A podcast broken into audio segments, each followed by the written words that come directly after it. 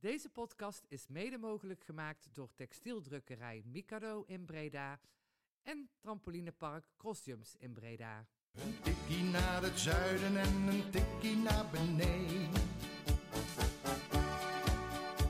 Daar wonen al mijn vrienden en daar voetbalt NAC. Laat nu de klok maar luiden, er is toch niks aan te doen. De B-side staat in vlammen en NAC wordt kampioen. Hallo eh, beste luisteraars en welkom bij alweer de 27e editie van uh, Tikkie naar het Zuiden podcast van B-Side Reds. Eh, ik ben Thijs en uh, naast mij zitten Ivo en Levine. Goedenavond. Goedenavond. Uh, een ja, toch wel vrij vol programma. we gaan het hebben over de eerste week van Maurice Stijn. Edwin de Graaf is gekomen. Nog niet heel veel transfernieuws wat space betreft. We gaan ten eerste beginnen met een man die ja, niet bij ons is gekomen, maar is vertrokken. Arno Verschuren. Die gaan we zo even bellen. Uh, inmiddels hebben we contact met uh, Arno Verschuren, die natuurlijk recent de overstap maakte naar uh, Lommelska. we blikken met hem terug op zijn periode bij NAC. Maar natuurlijk allereerst aan jou, Arno, de vraag: waarom heb je voor Lommel SK gekozen? Um, ja, ik vond, ik vond het ja, met, met, het, met de Citygroep dan, die zich daar uh, ja, heeft uh, neergezet, uh, vond ik dat een heel mooi project wel. Um, ja, een heel mooi, mooi project rond Lommel. Dus um, daarom ook de keuze om, om naar daar te gaan. En ja, een nieuwe uitdaging waar ik wel naar uitkijk. Snap ik. We hebben het in voorgaande af, afleveringen gehad over jouw toekomst. En toen waren we wat aan het filosoferen over waar jouw toekomst mogelijk zou liggen. Toen dachten we zelf aan ofwel de, de Pro League of de Eredivisie. maar waarom kies je dan nu voor de Proximus League? Is dat puur het plan wat ze hebben? Um, ja, toch wel, toch wel deels. Ja, want ik denk, um, ja, kijk, het project dat ze voorleggen, allee, of, ja, waar het in principe naartoe moet gaan, is dat, ja, dat de club binnen een x aantal jaren gewoon, ja, ja, moet meedoen in, in de Belgische eerste klasse. Dus dat is natuurlijk ja, afwachten dat dat uh, ook gaat gebeuren. Maar dat is het plan wel over x aantal jaren. En op korte termijn is het gewoon uh, zo snel mogelijk promoveren. Dus um, in principe kies je dan, um, kies dan wel voor nu het tweede niveau in België. Maar op, zich, ja, het doel is gewoon dit jaar om te promoveren. En dan um, ja, moeten, we, moeten we kijken waar we uitkomen. En dat is ja, dat is dan in het project wel, ja, vind ik, was er wel een duidelijk plan. Dus hij is ook wel, uh, ja, ook wel deels mijn keuze gemaakt. Ja. Want je zegt al, je blijft uh, binnen de Citygroep. Uh, hoe, hoe, ziet, hoe, ziet, hoe zien de plannen er daaruit? Weet je dat al een beetje? En puur voor Lommel bedoel je? Ja, of, voor Lommel of binnen het grotere geheel wellicht? Um, ja, dus uh, op, op korte termijn um, gaan ze daar nu wel wat dingen al veranderen. Uh, natuurlijk is het dit jaar zal er nog niet, zullen de grote veranderingen nog niet plaatsvinden. Maar uh, ja, zoals het veld zijn ze nu helemaal um, aan het opnieuw aanleggen. de kleedkamers gaan ze nu nog verbouwen. Een fitnessruimte en een medische ruimte zullen nog aangepakt worden. En dat is sowieso op de korte termijn al. Um, plus dan ja, mensen binnen de staf die ze ook al hebben aangesteld bij ons. Dus ja, dat zijn dingen op de korte termijn. Op de lange termijn zullen er dan nog, ja, zullen er dan nog honderd dingen aangepakt worden, waaronder ook het stadion um, en, en andere dingen. Dus Want dat zijn heel grote plannen. alleen ja, dat zal ook op de langere termijn wel pas, uh, pas gebeuren. Want dat is natuurlijk wel een verschil. Hè? Je gaat nu van een uh, club waar uh, gemiddeld bijna 19.000 man op de tribune zit, naar een club waar volgens mij de afgelopen ja. jaar wat, wat minder mensen op de tribune zaten. Hoe, hoe is dat voor jou als voetballer? Ja, ja, dat is wel, ja daar, daar kan je niet langs dat, dat je dat wel jammer vindt, uiteraard.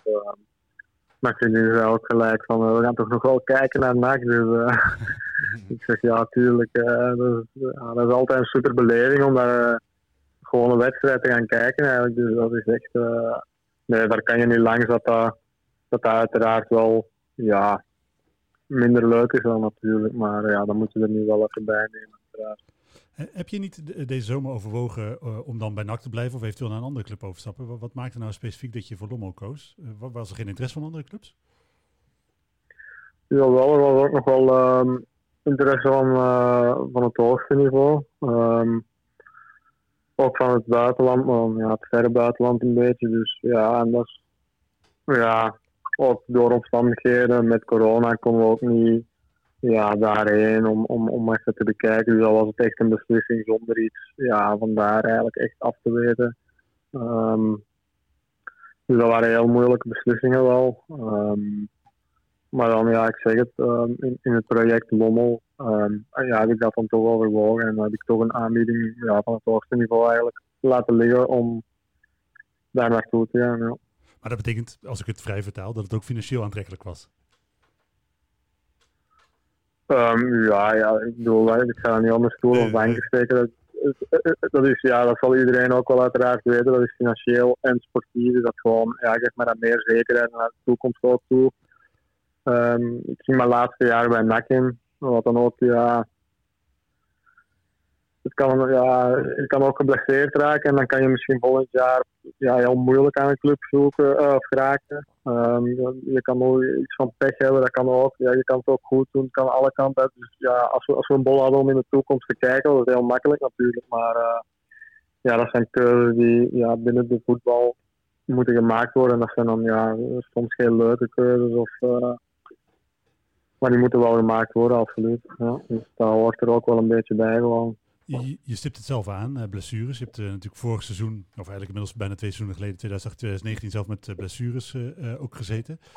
had je in je carrièreplanning destijds al verwacht van gewoon na dat seizoen eigenlijk normaal gesproken te vertrekken? Um, ja. Of anders gezegd, heeft, die, heeft die blessure je een, een seizoen gekost?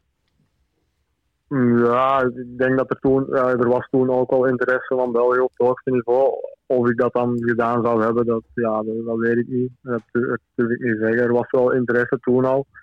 Um, alleen ja, toen kwam die blessure en dan, was, dan is het natuurlijk moeilijk om... Uh, ja, ik had de laatste, uh, ik denk, ja, 15 wedstrijden of zo had ik denk niet gespeeld. Dus ja, dan is het ook heel moeilijk om, om weg te raken. En, uh, toen heb ik die knop ook wel heel snel omgedraaid en gewoon gezegd van ja, kijk, moet gewoon dit seizoen gewoon terug goed spelen. En dan zien we volgend jaar wel wat er gebeurt. En, of er interesse is of niet. En ja, die was er nu wel, ja, inderdaad. Je noemde ook al dat je nu natuurlijk binnen de City Group blijft. Uh, we hebben het opgezocht. Volgens mij kan je denk ik naar, je kan naar clubs in alle uithoeken van de wereld. Tot Mumbai FC geloof ik toe als je binnen die groep blijft. Hoe, is, is het ook iets wat je ja. in je carrièreperspectief meeneemt? Dat je eventueel bijvoorbeeld later naar Amerika of weet ik veel, misschien wel mensen City zelf wil? ja, dat, ja dat, dat, is wat binnen die groep natuurlijk ook de mogelijkheden biedt. En ja, ook ja, het hangt er ook natuurlijk vanaf hoe dat je doet. En dan als, je, als je niveau goed is, kan je naar die club. Um, je kan ook buiten de groep natuurlijk uh, naar een andere club gaan. Maar uh, nee, dat geeft inderdaad het geeft daar heel mooie mo mogelijkheden. En dat is eigenlijk een unieke kans um, om ook dat soort dingen misschien te overwegen, inderdaad. Dus uh, dat, ja, ik zeg dat is echt een, een, heel totaalpakket wat mij ja, overtuigt in principe. Want als je dan, ik kan me voorstellen, je s'avonds als op de bank zit en dan toch eens voorzichtig filosofeert over hè, hoe je carrière zich voor de rest ontwikkelt. Zijn er dan clubs binnen die groep die je specifiek aanspreken? Of is dat echt nog veel te vroeg om te zeggen? Um, ja, dat is, dat heel vroeg om te zeggen. Maar ja, vroeger, wij gingen altijd op vakantie in, in Spanje, in, uh, in Girona dan. Dus ja, dat, natuurlijk is, is dat een droom om daar te spelen dan. Dus dat, dat, dat was vroeger als kind al van, ja, als we hier ooit kunnen, kunnen voetballen. Dus dat is nu toevallig zit dat binnen die groep. Dus ja, uiteindelijk is dat wel een. Uh, sorry? Dat komt wel mooi uit, dus. Uh. Ja, precies. Dat is een heel mooi. Uh, ja, een heel mooi is een droom om dat ja, natuurlijk te, ja, te proberen en daar nu voor ja, te presteren. Er is uh, uh, met je transfer natuurlijk ook uh, gesproken over het transferbedrag, het, de gelimiteerde transfersom die je contact opgenomen is. Hoe, heb je de discussie mm -hmm. daar rond een beetje gevolgd? Um, niet helemaal wel. Ja, uiteraard heb ik hier en daar wel wat zien voorbij komen. Um, ja, ik, heb niet alles gelezen, dus maar um, ja, ik denk dat iedereen ondertussen weet dat er wel een, een clausule in mijn contract stond. waar uh, ja, heel veel discussie blijkbaar is uh, rondgegaan. ja, en daar wil ik ook even heel duidelijk wel, of ja, dan spreek ik echt recht uit mijn hart dat er geen ja, in, in, in de tijd geen rare dingen zijn gebeurd of uh, afspraken zijn gemaakt. Absoluut niet, want uh, ja, ik weet dan eh, dat, dat mensen nu denken dat, eh, dat misschien mijn zaakwaarnemer met al een afspraak had. Maar dat, ja, dat ik nu echt volledig uit het haar dat dat, niet, ehm, dat dat helemaal niet het geval was. Ehm, Want, want hoe was dat dan? Want hij was natuurlijk hè, technisch directeur eh, bij NAC. Hij was toen op dat moment nog niet Ja. zaakwaarnemer. Nee, nee, absoluut niet. Nee, daar was helemaal geen sprake van. Nee, nee, nee. Ehm, nee, we hebben, daar samen dan uit. Ik was aan het eh, kijken, eh, ik kreeg een contractverlenging, zeg maar. Ehm, alleen was er één voorwaarde dat er een, eh, een clausule in zou staan. Ehm, omdat mijn zaakwaarnemer daar in het verleden ook al wel problemen mee had gehad. Ehm, dus dat, zou er, ja, dat moest er echt in staan, want anders had ik dat op dat moment ook niet bijgetekend. Of, eh, en ehm, ja, dat zijn ja, dingen die toen afgesproken zijn. Dat, daar heeft ook Hans helemaal niet alleen eh, over gegaan. Er zijn nog veel mensen over gegaan. eh, zoals dat een gaat. Dus er zijn mensen die er nu nog zijn die daar ook ehm, hebben goedgekeurd, zeg maar. Dus Mhm. Ja, ik snap wel dat er discussie rondkomt en, en dat allemaal wel een beetje raar, een, een raar, verhaal is. Dat, begrijp ik absoluut, maar ja, ik zeg het echt. ehm, met alles wat ik hier heb, eh, ik bedoel, wil ik daarop opzetten dat eh, of wil ik even zeggen dat, dat, echt, ehm, dat er helemaal geen afspraken nog zo rond zijn gemaakt. Dus eh, ja, dat is een absoluut uh, fabels. Helder. Eh, het is natuurlijk eh, zo dat eh, Hans Smulders is inmiddels wel je zaakwaarnemer. Hoe is dat dan na Ja. zijn vertrek gegaan? Is hij maakte al onderdeel uit van dezelfde groep of hoe liep dat dus precies? Ja, ehm, ja, ik zal even het verhaal in kort dan. ehm, eh, mijn zaakwaarnemer deed eigenlijk ehm, een beetje de buurlanden van België, nam hij onder handen. Ehm, dat was een beetje groot geworden eigenlijk allemaal, dus daarom zocht hij een persoon om dat eh, bijvoorbeeld in Nederland ehm, ja, de contacten te onderhouden met, met de Nederlandse clubs. Ehm, en zo is hij eigenlijk ja, na het ontslag van Hans, eh, ik denk eh, ja, een paar maanden later, een half jaar later, is hij bij Hans gekomen. En omdat hij gewoon wist dat Hans heel veel contacten in Nederland heeft. Hij weet heel veel van voetbal, echt ontzettend veel. Dus dat was eigenlijk ja, de perfecte persoon om in dat plaatje eh, te zetten. En eh, daarom heeft hij ook Hans benaderd en, en ja, is dat ook zo rondgekomen. En voor jou is het natuurlijk wel lekker om eh, met iemand samen te werken die jou goed kende. Ja, precies. Dat, ja, dat is ook natuurlijk. Hans kent mij heel goed. eh, die zag mij elke week spelen, dus die kent mij heel goed. Dus daarom is het ook ja, inderdaad een heel makkelijk uh, ja, keuze om Hans uh, mij ook een beetje te laten begeleiden. Dan. Ja, inderdaad. Je bent nu natuurlijk uh, nou ja, goed weg bij NAC. Je hebt daar een, toch een aantal jaar gespeeld. Hoe kijk je terug op die periode? Ja. Um, ja, een heel leerrijke periode, ongelooflijk eigenlijk. Um, ja, ik heb vier jaar lang echt superveel bijgeleerd. Um, ja, het is ook gewoon echt een, heel leuke club. Ik heb heel veel mensen leren kennen. Dus ja, echt een, ja, een ontzettend goede periode. Gewoon, ben heel blij dat ik uh, daar heb van mogen deel uitmaken. Absoluut. Ja. Wat zijn de meest bijzondere, meest bijzondere momenten uit die periode geweest? Uh, ik denk sowieso de promotie. Um, ja, dat die op één staat. Um, ja, dat was echt.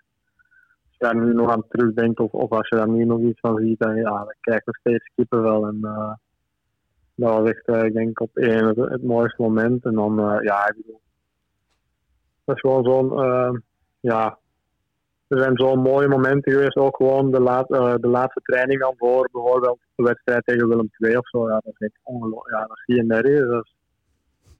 Dat is, dat, uh, dat zijn echt heel mooie momenten geweest. En dan, uh, ja, ik denk de laatste nu, de, de beker, uh, de bekercampagne, dat ook echt een heel mooie ervaring was. En dat ook heel leuke wedstrijden waren, altijd heel goede spelers. Dus um, ja, ik heb absoluut heel veel mooie momenten meegemaakt bij NAC. En als je nou naar je eigen prestaties kijkt, wat, wat steekt er dan bovenuit?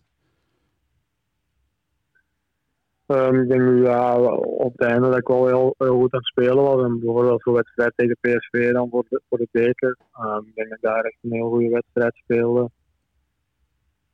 Uh, dus ja, dat was, ik denk dat dat een van mijn beste wedstrijden was voor NAC. En als je nu, hè, je bent natuurlijk op verschillende eh, posities gebruikt. Uh, wat is wat jou betreft inmiddels je beste positie? Want uh, je hebt er ongeveer overal het elftal gestaan, denk ik. Ja, ja dat klopt. nee, ik denk dat dat voor, voor iedereen nu ook wel duidelijk was. of is dat dat, dat gewoon middenvelder is. Uh, maar geen rechtsback of ja, een of andere positie. Ehm, nee, ik moet gewoon in het middenveld spelen en daar kan ik gewoon mijn energie kwijt. En ik denk gewoon dat ik daar ook het beste rendement haal. Is het dan ook zo dat je voor die eh, positie gehaald bent uh, nu bij Lommel? Ja, ja inderdaad. Dat is ook een, uh, een heel duidelijk verhaal. Dat het, ja, het ging niet als, uh, als rechtsback. Als ze mij als rechtsback wouden, dan, dan had ik nee gezegd. Dus nee, dat was een heel duidelijk verhaal. Als um, een box-to-box middenvelder eigenlijk is. Dan, uh, het is natuurlijk zo, hè, nu je neemt eigenlijk afscheid in een periode waarin er uh, geen publiek is, waarin er uh, nog geen wedstrijden gespeeld worden. heb je al mhm. enig idee of je een officieel afscheid gaat krijgen? Nee, dat, daar heb ik eigenlijk geen idee van. Nee. Ik neem aan dat dat wel in voorkomt. Oh, ja, ik, um, ja, uiteraard is dat heel leuk en mooi als je dat, als je dat hebt. Um, maar ja, anders, ik bedoel, uh, ik zal zeker nog wel enkele wedstrijden meepikken volgend jaar. Dus uh, nee, dat, uh, daar heb ik geen idee. En daar, ja, daar ik zelf ook niet over natuurlijk. Dus nee, dat zullen we afpakken en kijken wat, wat, wat er gebeurt. Ja. Arno Thijs hier. Ehm, je gaf net aan dat je jezelf nu wel een middenvelder voelt na je periode bij NAC, waar je veel verschillende posities hebt gehad. Maar kwam jij niet binnen als centrale verdediger eigenlijk? Of was je toen ook al, had je toen ook al ervaring op middenveld? Ja, um, ja, dat klopt. In principe ja, wisten ze toen ook wel dat ik middenvelder eigenlijk, of dat ik ja, meer middenvelder was. Alleen toen was het verhaal wel duidelijk. Toen was er nog geen, volgens mij, linker centrale verdediger. Uh, want toen speelde Olly daar nog volgens mij. Wat eigenlijk ook een, een, middenvelder was. Dus toen hebben ze wel op voorhand ook gezegd van kijk, je had sowieso nu in het begin als linker centrale verdediger gebruikt worden. Um, ja, en dat is dan ook het eerste half jaar gebeurd. En dan um, toen is uh, Stijn Vrede gekomen en die heeft mij toen uh, in het middenveld geplaatst. En, ja, dus, uh, maar dat klopt wel inderdaad dat ik in de eerste instantie gehaald als centrale verdediger. Ja. Je noemt zijn naam, maar je hebt natuurlijk met Stijn Vreven en nog een aantal andere trainers gewerkt. wat, wat neem je van die verschillende trainers mee voor de rest van je carrière? Um, heel veel. Ik denk dat je, dat je van elke trainer wel, wel ja, dingen leert. Uh, er zijn, zijn geen positieve dingen, er zijn negatieve dingen, die leer je ook. Um, dus nee, ja, heel veel. Um, ik denk, uh, het, waren echt veel verschillende types ook die we gehad hebben. Dus dan, ja, bij Vreven was het echt van uh, werken en, en dan, ja, schiet die bal maar eens weg hè, als, er, als er maar geen goal tegenkomt. Of, en bij andere trainers was het dan een, beetje mooie, uh, een beetje mooie voetbal. Uh, geen ballen wegschieten, proberen uit te voetballen. Dus uh, nee, we, hebben heel veel, heel veel verschillende types gehad. En daardoor heb ik ook gewoon ja, heel veel geleerd in die periode. Bij wie heb je nou de warmste gevoelens? ik denk dat ik bij, ja, bij Stijn Vreven wel, dat dat wel een heel goede en leerrijke ja, anderhalf jaar was dan. Um, maar ook bijvoorbeeld de korte periode onder Willem. Uh, vond ik ook echt heel goed. Uh, Willem had echt heel goede trainingen. Uh, daar stak je echt heel veel van op. Ik kende heel veel van voetbal. Dus ook bijvoorbeeld daar heb ik heel veel van geleerd. Zijn er ook nog inmiddels ex-teamgenoten waar je nog wel contact mee gaat houden, denk je? Of misschien uit voorgaande nakjaren die al vertrokken zijn? Ja, ja absoluut. ik denk uit voorgaande jaren heb ik ook nog wel wat contacten. Um, sowieso de Belgen dan. Cyril en Joran en uh, Olly, die hoor ik nog heel vaak. Um, Gio hoor ik nog vaak, Gio Korsten. Um, en voor de rest volg ik nog heel veel, uh, ja, via Instagram dan volg ik nog heel veel wel uh, teamgenoten of oud-teamgenoten. Dus um, daar, zie ik, uh, daar volg ik regelmatig ook wel op. En, ja, we hadden afgelopen jaar en dit jaar ook een heel leuke groep. Um, dus daar heb ik ook absoluut nog contact mee. En uh, ik, heb, ik heb al heel veel berichtjes gehad, heel veel leuke berichtjes. Dus, ik, ik zeg het, ik kom dit jaar absoluut nog wel een paar wedstrijden meepikken. Dus dan zie ik ze ook sowieso nog een keer. Dan Ja, tot slot, eh Levine zei het net al even, je gaat natuurlijk nu naar een eh, wat, wat kleinere club, met alle respect. Ehm, Ja. Zijn er ook dingen die je bijvoorbeeld niet gaat missen? Want eh NAC is ook wel bekend om heel kritisch publiek. En je, ziet er, je hebt de reacties op site misschien ook wel eens gezien eh, hoe dat eraan toe gaat. Ga je dat missen of eh, hoe vond je dat? Ehm, ja, ja, ja, nee, ja, dat ga ik ook missen, denk ik. Ehm, ik denk dat dat ook wel, als je het achteraf bekijkt, is dat natuurlijk, ja, is dat heel leuk. Maar er, ja, er zijn ook hè, minder goede momenten geweest, ook tijdens wedstrijden. En dan begint het publiek ook altijd wel iets leuks doen. Dus op dat moment kan je er natuurlijk niet, ehm, ja, niet leuk over doen of zo. Maar ja, dat ja, als je daar achteraf naar bekijkt, dan, ja, dan is dat eigenlijk wel heel grappig. En dan, eh, ja, die momenten ga je, ga je ook missen. Ik bedoel, en het was ook altijd gewoon terecht. Ik bedoel, we hebben ook niet altijd even goede wedstrijden gespeeld. Er zijn heel slechte wedstrijden geweest. Dus, eh, ja, nee, ik bedoel, dat waren ook wel, eh, als, als je achteraf bekijkt, heel grappige momenten. Ja, Oké eh, Arno, dan willen we jou bedanken voor je tijd. En eh, ja, heel veel succes wensen Ja, in veel succes. ja geen probleem. Eh, jullie bedankt. Ja. we hopen ik zou dan, eh, eh, iedereen ook nog eh, succes binnen NAC wensen. En eh, hopelijk kunnen we dit jaar, kunnen jullie dit jaar eh, promoveren. Ah, zolang het als wij voelt, vind ik het goed. eh. En dan hopen we jou natuurlijk ook nog terug Ja. te zien eh, voor een mooi afscheid in het stadion als iedereen weer binnen mag. Ja, hopelijk. En eh, is het niet voor een afscheid, dan ben ik er sowieso voor de wedstrijd te kijken. Dus eh, ja, we, we gaan elkaar zeker nog tegenkomen. Super, dankjewel. Tot ziens. Top. Ja. Dankjewel. Eh, Oké mannen, dat was eh, Arno Verschuren. Eh, Ivo, wat vind jij ervan dat hij eh naar vier jaar toch vertrekt? Ja, het was eh, te verwachten. Ehm, je gunt hem een eh, mooie transfer. Hij laat ook in het interview al eh, doorschemeren dat, dat de financiën ook wel mee hebben gespeeld en de onzekerheid die er nu in de wereld speelt. Hè? Dus dat hij bang om geblesseerd te raken. Hij kan niet naar, naar de verre landen toe. Hij vond het een moeilijke keuze, gaf hij meerdere malen aan. Maar ja, goed, hij kiest dan toch voor- een beetje zekerheid. En de plannen voor een club als Lommel, ja, dat spreekt ons wellicht niet zo aan. Maar ze zullen het voor mooi gepresenteerd hebben. Ja, en als je naar zijn persoonlijkheid kijkt, dan vind ik het ook geen hele rare keuze. Het is iemand die eh, in alles uitstraalt. eh, eh, hij is niet voor niets, heeft hij bij NAC gevoetbald. Hij wil gewoon graag een eh, langere periode bij een club blijven. En zeker in ieder geval, dat blijkt uit interviews, een financiële toekomst zeker stellen. En wellicht binnen die Citygroep nog een mooie stap maken. Ik, ja, ondanks, ik, het is geen keuze die ik zelf gemaakt heb, omdat je als je sportman bent, A voor het hoogste. En twee denk ik ook toch wel voor entourage en sportieve mogelijkheden gaat. Dan eh, ja, is, is Lommel geen logische keuze, maar ik snap het vanuit zijn perspectief gezien wel. Ja, hij geeft ook aan hè, dat het eh, voor hem ook voelt als, eh, als een stapje terug qua publiek. Hij zei letterlijk de woorden, het is minder leuk. Dus ja, dan denk ik, ja, je wilt toch wel met plezier op het veld staan. En ik denk, ik denk persoonlijk dat hij zijn top nog niet bereikt heeft. Nee, en dat is het. Hè. Hij is natuurlijk eh, 23 en op zich op eh, deze leeftijd met, met zijn eh, cv eh, zouden er andere mogelijkheden normaal gesproken moeten liggen. Dat noemde hij zelf ook al. Er waren clubs op het hoogste niveau die ook interesse hadden.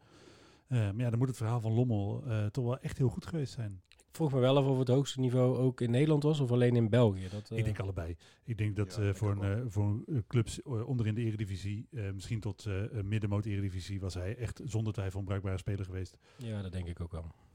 Voordat we hem helemaal eh, afsluiten, Arno Verschuren. Hoe groot is de aderlating voor het elftal dat we nu hebben, dat hij weggaat? Nou ja, ik vind dat je eh, Arno Verschuren sowieso wat snel af wilt sluiten. Want ik denk, eh, een van de dingen die hij zelf natuurlijk aanstipt, eh, waar we denk ik allereerst over moeten hebben, is natuurlijk de, de, eh, dat, dat met, met eh, Hans Smulders. Wat vonden jullie? Was het een plausibel verhaal wat hij vertelde? Ehm, laten we zo zeggen dat, dat ik denk dat Arno zelf ehm, eh, eh, daar sowieso vrij uitgaat. Maar ehm, eh, dat Hans Smulders de schijn tegen heeft, lijkt me evident. Ehm, toevallig zat ik vanmiddag in de podcast van FC Afkikken het verhaal van Neil Peetsen te, te luisteren, die wel een beetje dit eh, verhaal ook bevestigde. Dus dat het echt, om er zeker van te zijn dat de afspraken die onder een TD zijn afgesloten, om die veilig te stellen, en dat schijnt vaker voor te komen, eh, is die clausule opgenomen. Ik vind het een plausibel verhaal. Blijft wel, hè, hij wilde niet bijtekenen zonder, eh, eh, zonder eh, gelimiteerde trans transfersom. Ja, Ja, maar dat snap ik, hè, dat hij de mogelijkheid wil hebben om over te stappen naar een andere club. voor een, een redelijk bedrag. Dat, dat hij die zekerheid wil hebben, dat snap ik heel goed.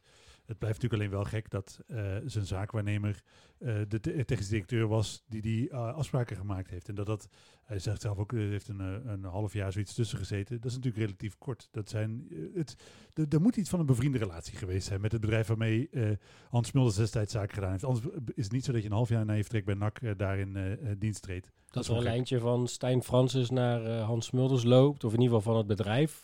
dat, dat, Er moet een warme, een warme relatie geweest zijn. dat, dat vermoeden had ik zelf ook wel. Maar ja, dat, zie dat maar eens hard te maken of... eh, ja, ja het, is, dat- schi- het is schimmig. Ja. Dat is het. En eh, het, het past wel een beetje bij het eh, eh, imago van eh, Hans Smulders. dat, dat is een feit. Maar nogmaals, ik, ja, ik, we hebben het van tevoren even besproken. Ik denk dat, dat Arno hier... Ik denk dat hij oprecht is. Ja, en eh, vanuit, er, er valt hem heel weinig te verwijten. Ja, het precies. is, eh, En een kwart miljoen is sowieso niet super weinig, toch? nou ja, dat, ik weet niet wat jullie daarvan vinden. De, je, mensen kijken dan natuurlijk naar de transferwaarde die hij op eh, transfermarkt.nl heeft. En dan wordt er 9 ton genoemd. Maar ik denk, ja, er is natuurlijk geen enkele club die op dit moment 900.000 euro voor Arno Verschuur gaat betalen. Met nog één jaar contract bij NAC, een club in de keukenkampioen-divisie. Dat geloof ik gewoon niet. Nee, dat geloof ik ook niet. Maar m, nou, ze zouden ook vijf ton krijgen als hij naar het hoogste niveau zou gaan. Want dat, was ook de, dat stond ook in zijn contract schijnbaar. Ja, en dan is het zuur. Ja, dus dat, dat, Eh, dat, je wat, dat je die tonnen die, je die misloopt, die had je goed kunnen gebruiken. Maar ik denk dat heel veel meer dan 5 ton was ook echt geen reëel bedrag geweest op dit moment, denk ik. Nee, maar, het, ja, nou, ik, maar even om dan terug te komen op de aderlating. Ja, eh, ja, dat denk ik ook absoluut wel. Ehm, zeker hè, de, de- de- onder Hiballa ehm, ehm, vond ik het ook een van de uitblinkers. Ik ben nooit een super fan geweest. Ik vond hem altijd heel wisselend presteren. Soms in een goed team goed, in een wat minder team wat minder. Echt gewoon... eh, eh, maar onder Hiballa vond ik hem structureel goed. Een van de betere altijd. Nou ja, goed, het, het is natuurlijk ook je topscorer die vertrekt. Hè? En dat zegt natuurlijk ook weer iets. Hij heeft eh, zijn plek wel gevonden. Ik ben ook blij voor hem dat hij bij eh, Lommel als box-to-box middenvelder opgesteld gaat worden. Dat is eh, denk ik de plek waar hij het beste, heeft, in ieder geval bewezen heeft het beste renderen. Het is eh, afwachten waar zijn top ligt. Ik geloof niet dat dat de Belgische Proximus League is. Ja, dan eh, gaan we verder. Er zijn nog geen spelers gepresenteerd. Wel een assistent-trainer, zoals ik eh, in de intro al even aangaf. Eh, Edwin de Graaf, eh, wat vinden we daarvan?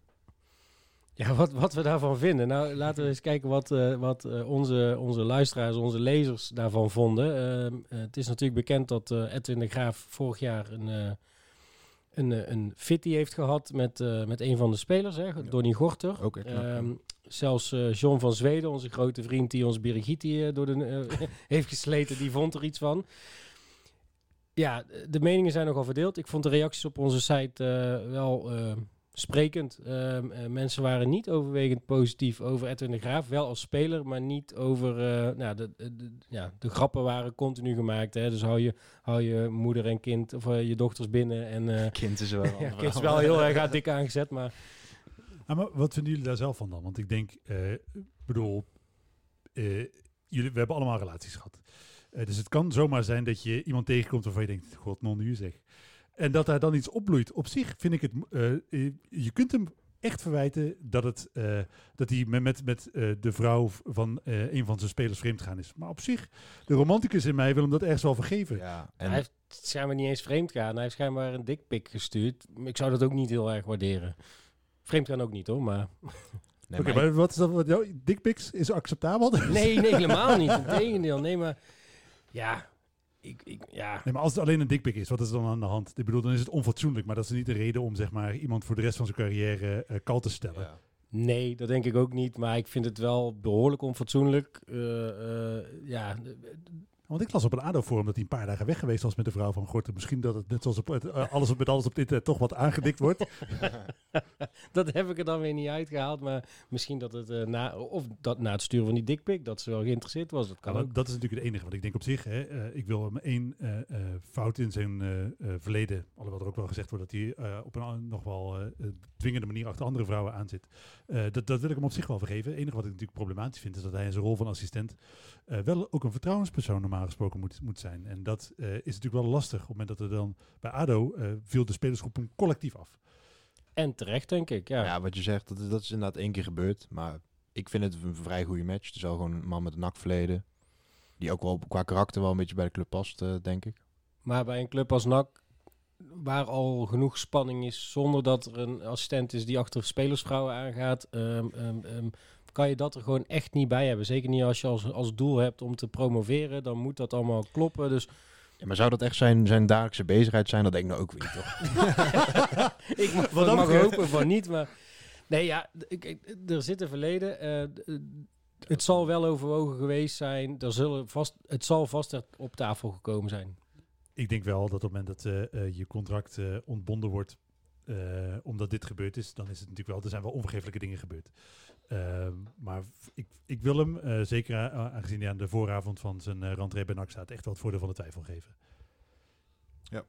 Dan eh, een klein breurtje richting een mogelijk nieuwe TD. Want eh, de Graaf heeft natuurlijk ervaring ook met Jeffrey van As vanuit ADO. Van As schijnt ook degene te zijn die de andere assistent Visser heeft getipt bij NAC. Eh, hoe eh, reëel schat u de kans dat hij het toch gaat worden, ondanks dat hij nog bij Roda zit nu? Eh, ondanks dat het een gerucht is eh, en er helemaal niks hard is en hij zit nog bij Roda, denk ik echt dat hij gaat komen. En ik denk niet nu, maar ik denk echt eh, na de transferwindow. Ik heb een beetje hetzelfde gevoel, omdat eh, als je gaat kijken naar iedereen laat zich onverdeeld positief over Jeffrey van As uit, terwijl Jeffrey van As op dit moment eigenlijk geen item zou moeten zijn bij NAC. Eh, natuurlijk is het zo dat het voor een deel, als je bijvoorbeeld het interview met uh, Goudelje uh, leest, wordt het natuurlijk ook wel redelijk gestuurd door de journalist die de vraag stelt. Want ik kan me niet voorstellen dat, uh, Ja, dat zelf, Goudelje zegt, ik moet toch nog echt even kwijt dat As een ongelooflijk geweldige peer is. Dat geloof ik niet zo goed. Maar het feit, als je kijkt naar Manders, naar Stijn, naar Visser, uh, die uh, geven allemaal hoog op over uh, Jeffrey van As. En dat lijkt mij, als je het van de buitenkant bekijkt, wel het masseren, of in ieder geval het, het gereed maken van, een, van de omgeving voor een rentree van hem te zijn. Wat de vaseline voordat hij erin komt. ja, dat is dat erg plastisch omschreven, maar dat is wel... nee, maar zo voelt het wel een beetje. Jij, Levine, had ja, wat onderzoek, kunnen we het dan noemen, gedaan naar zijn eerdere... Want de, de fans op onze site, ja, de fans van NAC op onze site, die waren toch niet heel negatief. Terwijl jij hebt wat... Hebt het in de records ja, het is, Als je kijkt naar de poll die, uh, die we uitgezet hadden, dan is het uh, eigenlijk 50-50. Of in ieder geval bijna 50-50. Ja. De helft uh, ziet een uh, rentree zitten, terwijl de andere helft, en tot die helft behoor ik, nog steeds slapeloze nachten van uh, Jeffrey van As heeft. En ik vind dat op zich, als je gaat kijken naar het feit dat het natuurlijk een, een team moet zijn wat als collectief gaat functioneren, waarbij zowel de algemeen directeur als de hoofdtrainer, als de assistenttrainer als wellicht de tweede assistent. Ik kan niet zo goed inschatten hoe dik, van, uh, hoe dik de graaf met Van As is. Maar die lijken toch in ieder geval uh, allemaal uh, ontzettend graag met Jeffrey Van As samen te werken. En dat is, als je naar de historie van NAC kijkt, waar het lopend hommeles geweest is, echt een goed idee. Dat er een team staat wat, wat elkaar kent, wat elkaar waardeert. Dus vanuit dat perspectief bezien denk ik dat je Jeffrey Van As prima binnen zou kunnen halen. Ook omdat hij natuurlijk een verleden bij de club heeft. Maar als je dan gaat kijken naar hoe hij het in zijn eerste periode gedaan heeft, dan vind ik het echt een onwaarschijnlijk slechte keuze. Ik vind dat het een uh, man is die uh, geen uh, hol om de jeugd gegeven heeft in zijn periode bij NAC. een trans, transferbalans. Heeft, als je gaat kijken, hij heeft wel elk jaar winst gemaakt. Maar dat was eigenlijk maar één keer, omdat het een speler was die hij zelf gehaald had, die hij verkocht. Hij heeft namelijk, ik zal ze even bijpakken, in zijn periode als TD heeft hij Kees Kwakman verkocht. Matthew Amoa, waar dat geld is pas veel en veel later ja. binnengekomen. Robert Schilder, Eumer Bayram, Donny Gorter. Uh, Erik Botteguin en uh, Nemanja Goudelje. En alleen Erik Botteguin heeft hij zelf gehaald. Al, alle andere spelers zaten al bij NAC ja. uh, toen hij als technisch directeur aantrad. Dus hij heeft van alle spelers die hij gehaald heeft er maar één weten te verkopen. En Bayram is ook wel een van de voorbeelden waarin maar ik denk van... Is. En hij was nog scout ook hiervoor. Dus ik denk ik bij mezelf... Dat is wel een missertje van je welste natuurlijk. Ja, en dat is natuurlijk wel. Hè, daarom is mijn opmerking niet helemaal fair. Hij heeft in de jaren voor, voorafgaand aan het feit dat hij directeur werd... is hij natuurlijk wel de hoofdscout geweest. Uh, heeft hij samen in een tandem met Ernie Stewart natuurlijk al die spelers die ik net noemde wel gehaald. Bayram zat in de jeugd, toch? Ja, klopt. Ja. Uh, maar feit blijft dat zijn transferbalans overal genomen bijzonder matig is. En als je kijkt naar het type spelers dat hij gehaald heeft in zijn periode bij NAC, dan waren dat uh, voornamelijk wat gevestigde spelers. De talenten die hij haalde, die huurde hij voornamelijk. of nou spelers van Ajax waren, maar ook Milano Koenders van AZ, waren allemaal huurspelers. Dat duo met Bonavacia kan ik me nog herinneren. Precies. Jozefzoon. Ja. Uh, allemaal gehuurde spelers. Jeffrey Sprong was ook een van de spelers die destijds gehuurd werd. Dus de spelers waar mogelijk, uh, Danny Verbeek trouwens ook, uh, de spelers waar mogelijk geld aan verdiend had kunnen worden gezien hun potentieel om te ontwikkelen, waren allemaal spelers die niet bij NAC onder contract stonden. De spelers die die wel haalden waren oudere spelers, duurdere spelers. ik hoef alleen maar Lasnik of Looms te noemen. Ja. Het zijn spelers, hadden we Ja, spelers die kapitalen gekost hebben en helemaal niet zo heel veel opgeleverd hebben. En wat, wat van As altijd eh, nagedragen wordt, in ieder geval in positieve zin, is dat hij eh, NAC jaar op jaar in de Eredivisie gehouden heeft. Maar kijk je dan naar de eindklasseringen, dan was het 13, 13, 13. Hangen en wurgen vaak. En op. daarna, En daarna 15. en Eh, daarna degradatie. Precies. En ik, eh, ik vind dat, eh, hoewel hij niet eh, zelf aan het roer stond op het moment dat NAC degradeerde, dat hij er wel mede voor verantwoordelijk is. Eh, toegegeven zijn, eh, eh, het was echt niet makkelijk voor hem om in te stappen. Want hij kwam natuurlijk aan het roer nadat eh, eh, een heel bataljon eh massa gaf aan lijken uit de eh, kast viel met, met het vertrek van eh, Theo Mommers. Eh, dus hij heeft het met weinig geld moeten doen, maar hij heeft van het beetje budget wat hij had, wat volgens mij nog steeds meer was eh, dan eh, eh, sommige technische directeuren na hem, Ja. daar heeft hij echt niet het maximale uitgehaald. Nee, helemaal 100% mee eens. En ik, ik heb het ook nog eh, een keer eerder benoemd. Eh, het is gewoon opvallend dat je hetzelfde patroon zag bij, eh, bij ADO. Daar zag je hem dezelfde type spelers aanhalen. Zelfs, hè, dat, dat wordt wel eens gekscherend de klapper van Van As genoemd. Maar het is wel heel typisch, ook nu weer bij Roda, dat hij met uh, Luiks aankomt zetten. En je ziet gewoon een neergaande trend in, in de prestaties. En 13 is gewoon dat hij drie keer, twee keer drie keer 13 is geworden met NAC. eh, is ook een vertekend beeld. Want ik kan me van dat seizoen nog herinneren dat we heel lang heel erg onderaan hebben gestaan. En dat echt onze concurrentie zoveel punten liet liggen in de laatste vijf wedstrijden. Dat we uiteindelijk met hangen en wurgen 13 zijn geworden. En daarna is het echt minder gegaan. En ook bij ADO uh, dreef hij op de, de, de sterkhouders. Hè. Kijk naar een El Kayati. Zodra die weg was, donderde heel het kaarthuis in elkaar. Ik kan me niet direct een speler bedenken misschien een kwakman of zo, waar, uh, waar, waar hij last van heeft gehad dat hij vertrokken is en dat. Heeft hij zo nog een keer teruggehaald, hè? Ja, ik denk dat ik kwakman in zijn tweede periode vooral uh, nog weet, maar um, ja, ik vind het een patroon wat me niet zo aanstaat en wat je ook zegt, de jeugd, daar is NAC nu echt goed aan de weg aan timmeren. Dat zou echt, ik vind het een afbreukrisico. Hè?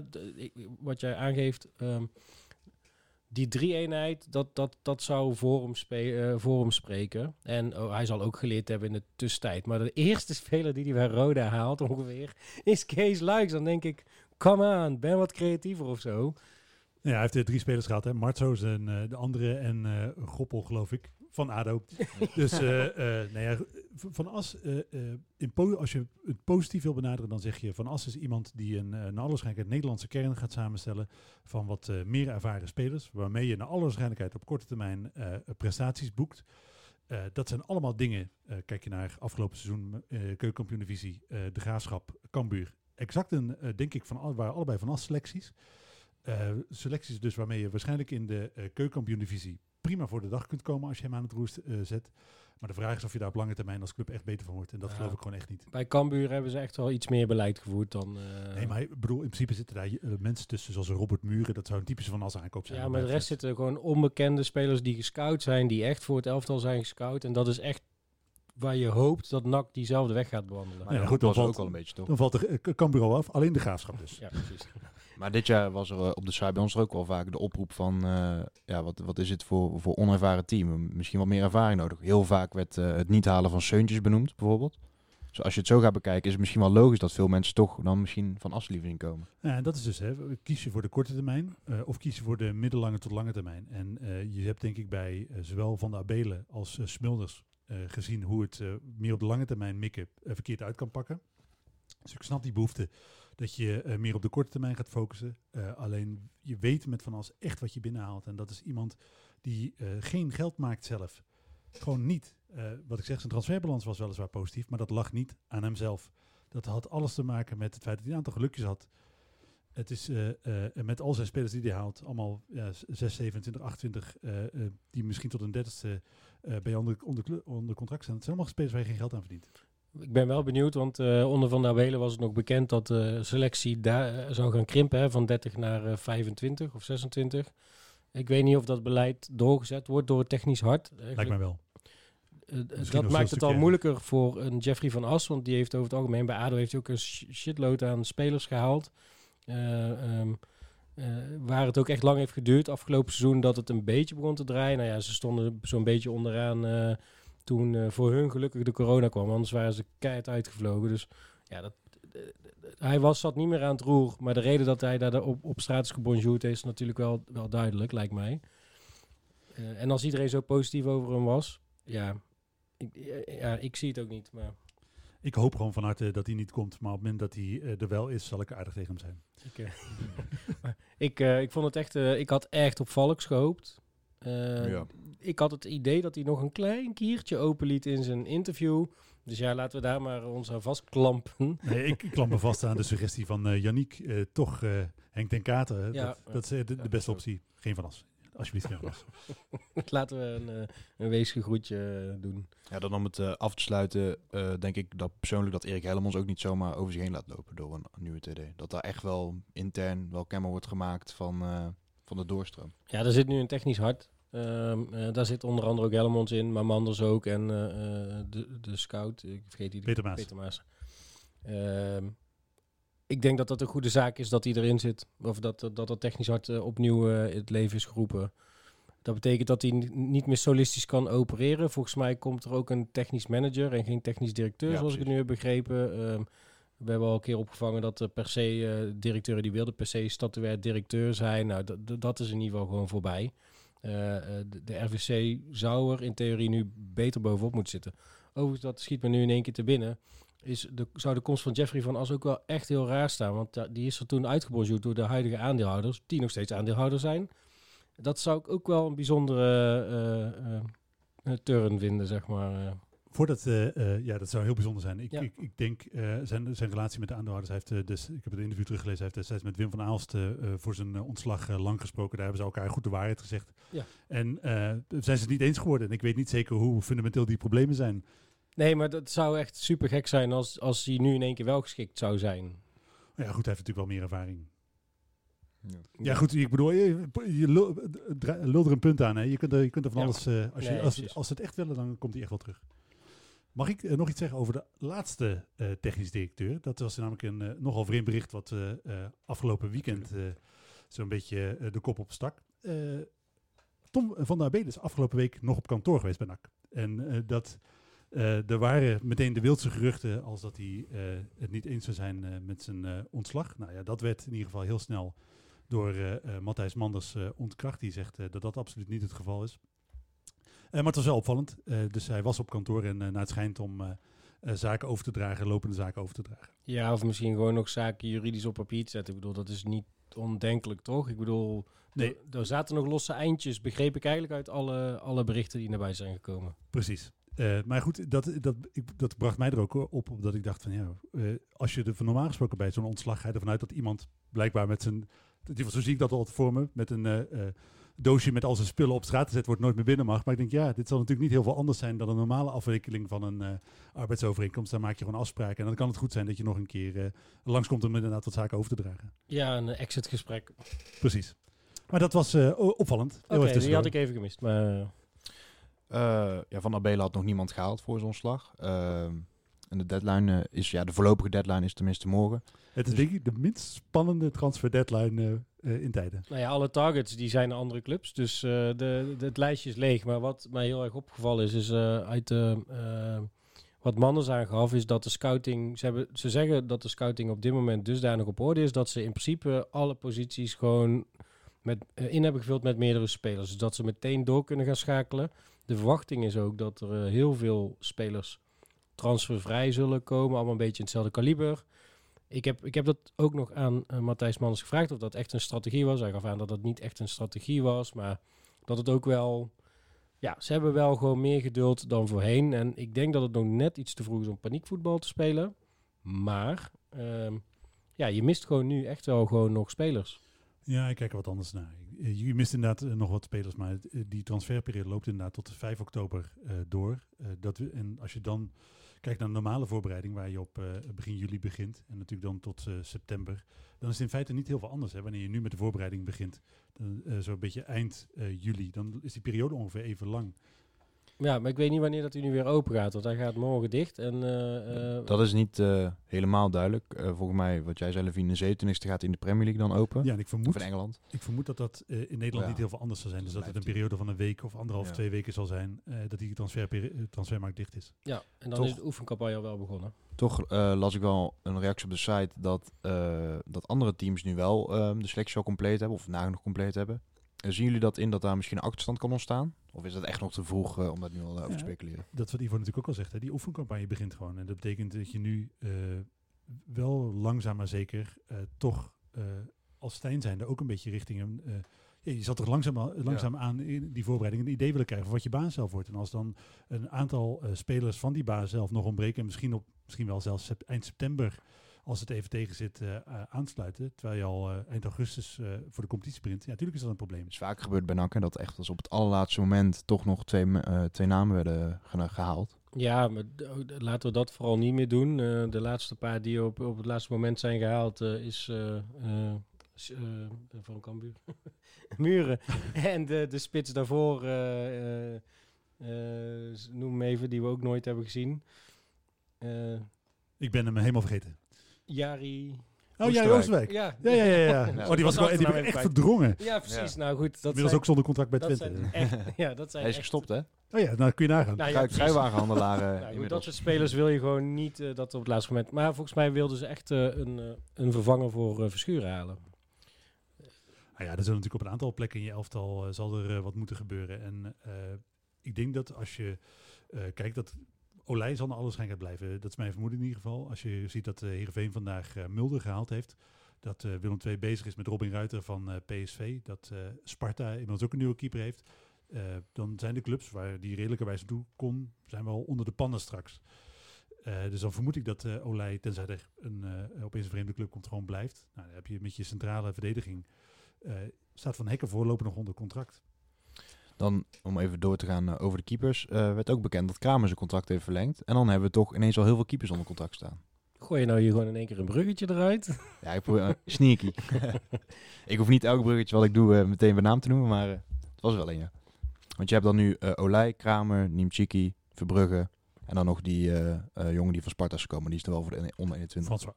Ja, ja, um, ja Karel is het, de Niemczyski, die blijft gewoon in Polen, toch? Die, althans, de verwachting dat hij gewoon verhuurd blijft, want die doet het daar gewoon goed, toch? Nou ja, er zijn twee opties, hè. En dat, uh, dat is uh, verhuur of verkoop. Uh, Ja. ik, ik denk niet dat hij uh, komend seizoen bij uh, NAC uh, te vinden is. In ieder geval, dat zou mij erg verbazen. Tenzij dus Olij wel weggaat. Maar Ja. of Verbrugge misschien nog. Ja, Die ook Sluimer als- een interesse was. Ook gewoon jeugd international. Maar da- da- die wordt echt als het talent gezien. Dus dat Kramer gewoon een prima keeper achter Olij is voor, de, voor dit jaar, zeg maar. Voor het overgangsjaar. En dat Verbrugge nog verder klaargestoomd wordt, denk ik. Want dat is zoals ik er ook naar kijk. Ik denk dat je uh, normaal gesproken nog een, uh, een jaar verhuurt. En als de- dat zo is, dan zal Olij, nou, neem ik aan, na komend seizoen uh, uh, wel vertrekken. Ehm, als je promoveert, heeft hij volgens mij nog een contract voor één jaar. Anders loopt zijn contract gewoon Ja. af. Eh, en dan heb je natuurlijk met, met Verbrugge, die op dat moment 18 is. Want die is nu nog 17 als ik het goed heb. 17 of net 18. Net 18, dus dat Ja. is echt jong nog. En eh, Karel, die dan inmiddels twee seizoenen als eh, eerste keeper eh, heeft gekiept. Natuurlijk in principe wel twee doelmannen waar je de toekomst mee in kan. Ja. En dat zou wat mij betreft het ideale scenario zijn. Dus nog een jaar Olij en dan Verbrugge Nitwitski laat hem uitvechten. Het is alleen dan te hopen voor Karel dat hij niet echt voorbij wordt gestreefd door Verbrugge. En dat is waar ik een beetje ja, bang voor ben, niet, maar dat zie ik wel een beetje aankomen. Ja, en dat is denk ik ook wat, wat waar, waar NAC uh, al uh, zeker een beetje op voorsorteert. Want uh, Verbrugge wordt natuurlijk als het grote talent gezien uit de keepersopleiding. Het is niet voor niets dat uh, de Rauwelaar uh, geprobeerd heeft, of misschien nog wel steeds probeert, Ja. mee naar Anderlecht te nemen. Hij keept niet voor niets in een vertegenwoordigend elftal van Nederland. Dus dat moet een keeperstalent zijn. En ja, je, Karel moet wel voor goede huizen komen. Wil die, hij is natuurlijk Pools, uh, jeugd international. Ja. Nou, dat is toch, ik denk wel, ik weet niet zeker of dat vergelijkbaar is. Of daar de spoeling net zo, uh, uh, of de spoeling niet daar wat dunner is. Maar ja, goed, dan is het inderdaad niet gezegd dat hij, ondanks zijn twee seizoenen op het hoogste niveau, of in ieder geval twee seizoenen als eerste keeper, die concurrentiewedstrijd zo wint. Nou, in Polen staat hij er wel heel goed op. Zijn twee concurrenten in zijn levenscategorie van Polen keeper bij PSG en Liverpool. Ja, eentje is verhuurd, die kliepte gewoon de championship vorig jaar. Dus echt geen verkeerd niveau. Alleen, uh, ja, er gaat altijd wel verhaal dat hij een beetje klein is. Dat hij niet heel uh, zelfverzekerd overkomt. Maar in Polen schijnt hij het nu wel heel goed te doen. Het is alleen jammer dat we hem ja, een beetje uit het oog zijn verloren daardoor ook. Ja, want hij heeft een, uh, volgens mij tien keer of zoiets een clean sheet. Ja. Dus hij moet wel iets kunnen. En volgens mij zijn, is de Poolse eerste divisie ook geen competitie waar alleen maar hele jonge spelers spelen. Nee, dat uh, ja, Dus zal, zal de hoe dan ook veel van opsteken. Zat nou was aan de pijpleiding om hem ook een keer te gaan spreken? Mijn pols is niet zo heel goed. Nee, maar uh, gewoon uh, om een keer bij hem pols te nemen. Ja, we, hebben, we hebben uh, geprobeerd voor deze uitzending, we hebben gewoon via Instagram natuurlijk een bericht gestuurd van, joh, hoe is het nou met je, heeft hij niet op gereageerd? Dus of hij heeft al afscheid van ons genomen of hij mag ons gewoon niet. Nee, dus ik ben benieuwd. Ik zou heel graag, Ja. met, heel, heel graag horen hoe het met hem gaat. Ja, wordt wellicht nog eh, vervolgd. We hadden het net al even over de voorbereiding. Eh, de eerste wedstrijd, daar had jij volgens mij nog wel wat over. Tegen SC Heerenveen eh, met fans. Ja, nou, niet, ik, ik niet alleen heb daar wel over, maar er is natuurlijk, eh, zoals, het, eh, eh, zoals in de goede traditie van NAC, is er natuurlijk reuring ontstaan over wie dat ze binnen gaan laten. Laten we vooropstellen dat het goed is om tijdens de oefencampagne een keer te oefenen in het stadion met publiek.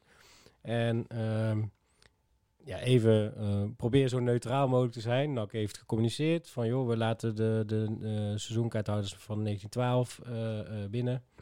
Ehm, de uitkaart plus, vraagteken, eh, sponsors. En dan denk ik, waar komen die uitkaart plus eh, houders in één keer vandaan?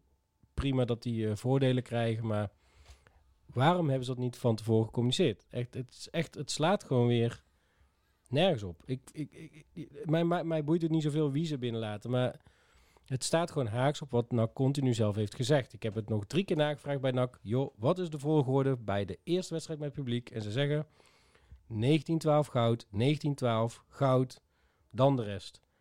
En wat zeggen ze? Uitkaart plus. Nou, die heb ik geen één keer in dat rijtje gezien. Dan Ja, denk ik. Waar komt dat vandaan? Zeg dat gewoon van tevoren. Het, het, het, ja, het zijn er maar een stuk of 70 of zo, geloof ik, die uitkaartplus Ja. houden. Dus het gaat niet... Die gaan naar alle uitwedstrijden, anders krijg je zo'n ding niet. Dus prima, maar zet het, zeg het gewoon. En laten we wel eens, het zijn normaal gesproken ook eh, mensen die ofwel goud, eh, dan wel club van 1912. dus in Ook dat, principe precies. eh, maakt het niet zo heel Ja. veel uit. Maar wat Ivo natuurlijk terecht opmerkt, is dat het een soort duveltje uit een doosje opeens, tada, uitkaart plushouders. Dat, dat slaat natuurlijk gewoon nergens op. En wat mij dan stoort, en dat heb ik ook op de, de, de site gezet, is het feit dat NAC daar niet proactief over communiceert. Dat je de keuze maakt om uitkaart plushouders, ik heb het op Twitter nagevraagd en Gijs Kluft reageerde, denk ik gewoon terecht, ja goed, die mensen kunnen voorlopig niet naar uitstrijden. precies. Dus die willen we belonen voor het feit dat ze altijd zijn. Super te verdedigen. Echt, Ja, eh, daar kan Ja. iedereen zich denk ik eh, eh, in vinden. Punt alleen dat je dat eh, niet zomaar in een bijzin op, een, eh, op de website moet zetten. Maar dat je even uitlegt van jongens, het is zo dat er inderdaad komend seizoen eh, eh, voorlopig geen uitsports meekomen. Dus daarom willen we onze uit, uitkaart plushouders tegemoet komen. En dat is wat, wat mij het, het meeste stoort aan eh, de, eh, de manier waarop NAC dit altijd aanpakt. Ik noemde zelf op de site ook al het voorbeeld van eh eh, Feyenoord-NAC. Al dit soort dingen eh, worden gewoon onwaarschijnlijk slecht eh, eh, ge- gecommuniceerd. Er is, het lijkt niet nagedacht te worden aan de voorkant wat het effect van je berichten is op de mensen die de berichten lezen.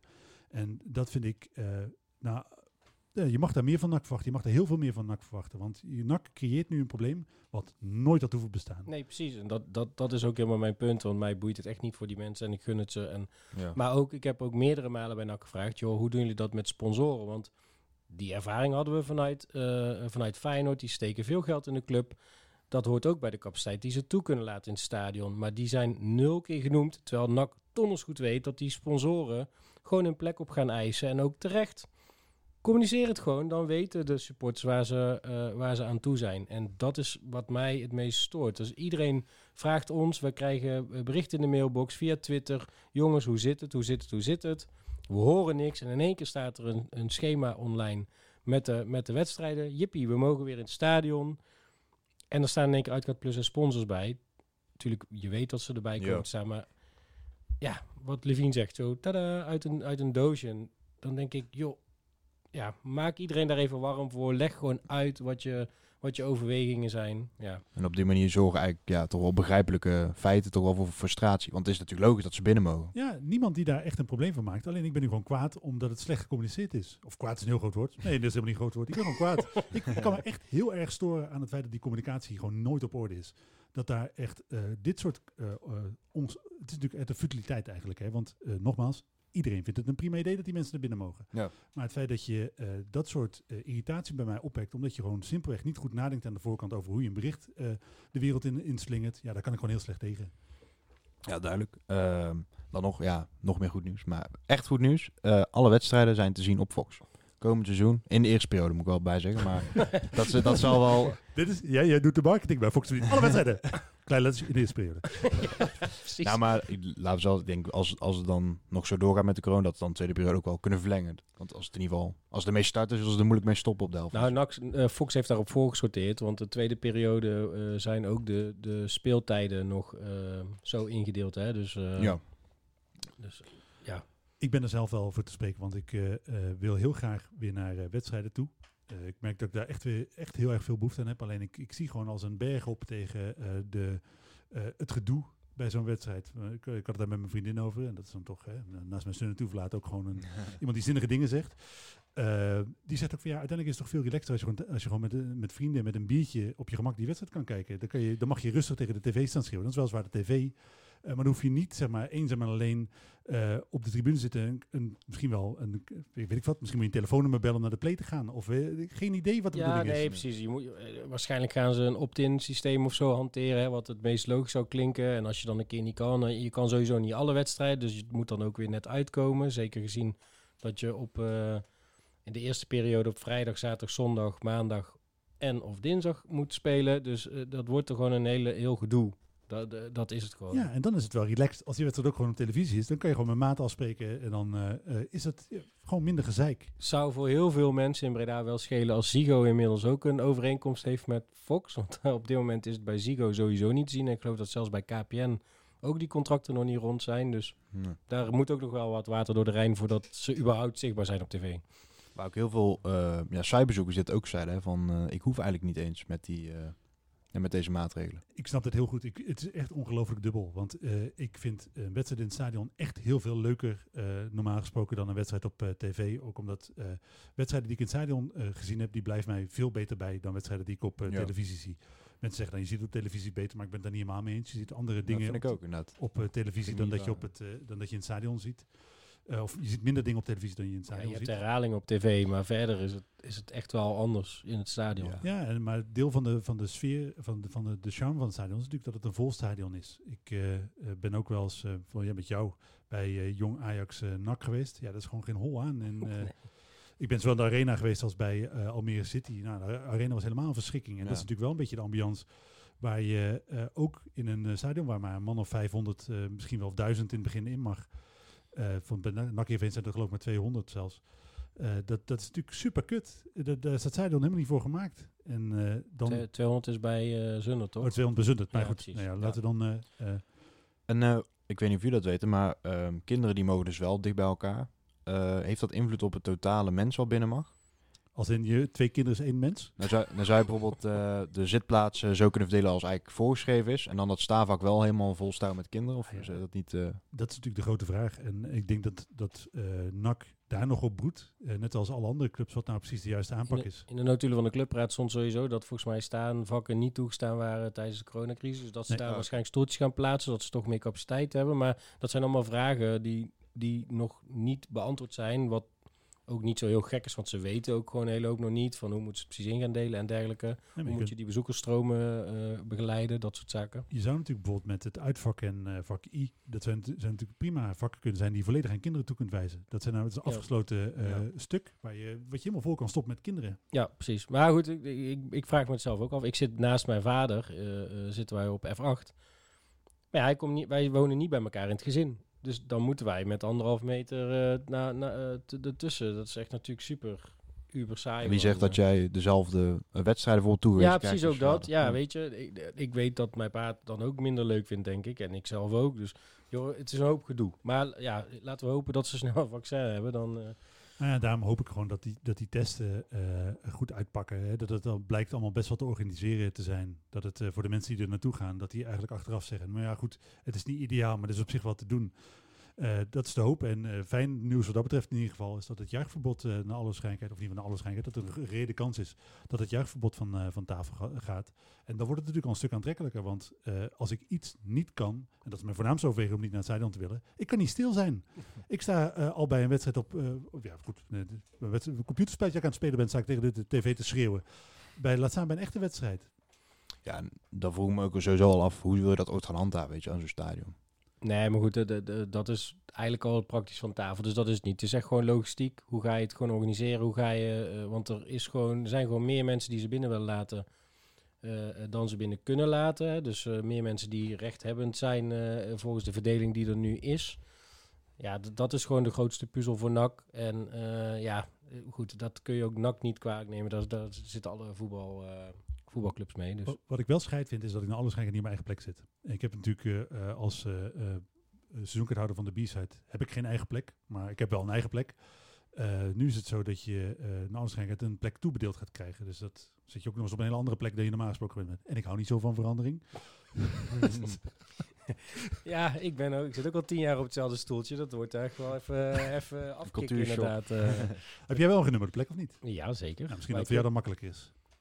Ja, eh, ja, nou ja, goed. Kijk, Afhankelijk van of jouw plek natuurlijk een plek is waar iemand op mag zitten. Ja, alleen waar ik dan weer niet tegen kan, is dat als ik een stoel krijg toegewezen en daar zit dan niemand anders op, dan. eh, nee. ja, ik, ik, ik heb er nog niet eens over nagedacht. Ik, zou, ja, ik, ik ben wel gehecht aan mijn plekje. Ja, Ja, ik ook. Nee, precies. Dus, eh joh, ja, de- Ik zie Dax al vanaf 1996 ongeveer uit dezelfde hoek. Ik zou dat vervelend vinden als het anders wordt. je mist ook dezelfde dingen altijd ja, tijdens de wedstrijd. Ja. Nee, goed. Het, het, het wordt, het wordt een hele puzzel. Eh, ik, eh, ik- ja, je moet het maar doen als club. Ik denk dat ze daar echt een hele flinke kluif van hebben. En eh, ja, eh, eh, dat kan ik ze dan echt eh, eh, niet kwalijk nemen. Dat dat eh, echt een... nog niet helemaal helder is hoe ze dat nou precies willen gaan doen. Nee, maar dat alles tezamen maakt natuurlijk wel. Als je dan kijkt wat we nu besproken hebben, dat eh, de technische directeur is onduidelijk, eh, de selectie is onduidelijk, eh, of je de wedstrijden mag is onduidelijk. Je weet dan in ieder geval wel dat het op Fox uitgezonden gaat worden, maar wat het budget is, waar, wat we te besteden hebben, is allemaal nog niet duidelijk. Er zijn nog heel veel vragen voor het nieuwe seizoen. En dat ergens zit je nu in een periode waarin je gewoon weer lekker ouderwets de zomerstop, dat gevoel van we beginnen met een oefenwedstrijd tegen amateurclubs, eh, dan gaan we langzaam richting, met de, richting de profs opbouwen. Je hebt een normaal gevoel bij deze periode, alleen dat klopt natuurlijk. eh, Ja, het allemaal klopt allemaal van geen, voor geen kant. eh. Nee, zeker. En eh, we hebben natuurlijk vandaag ook eh, de eerste accreditaties weer aangevraagd. En eh, ehm, ja, er is zit nog een hoop onzekerheid. Mag je, mag je bij de oefencampagne erbij zijn? Hoeveel, hoeveel, hoeveel pers mag er op de tribune? Ehm, ehm, het Space zou- interview is weer anders nu. ja, Ja, de vraag is bij een aantal clubs of je in de mixzone mag bijvoorbeeld. ja, precies. En eh, dat was voorheen altijd supergoed geregeld. En ja, eh, eh, nu wordt dat, eh, wordt, wordt dat gewoon spannend. Ik denk dat het, eh, we zijn door al onze onderwerpen heen. Dat een mooie afsluiting is van deze podcast. Eh, jullie bedankt voor jullie komst en alle luisteraars bedankt voor het luisteren. Een tikkie naar het zuiden en een tikkie naar beneden. Daar wonen al mijn vrienden en daar voetbalt NAC. Laat nu de klok maar luiden, er is toch niks aan te doen. De B-side staat in vlammen en NAC wordt kampioen.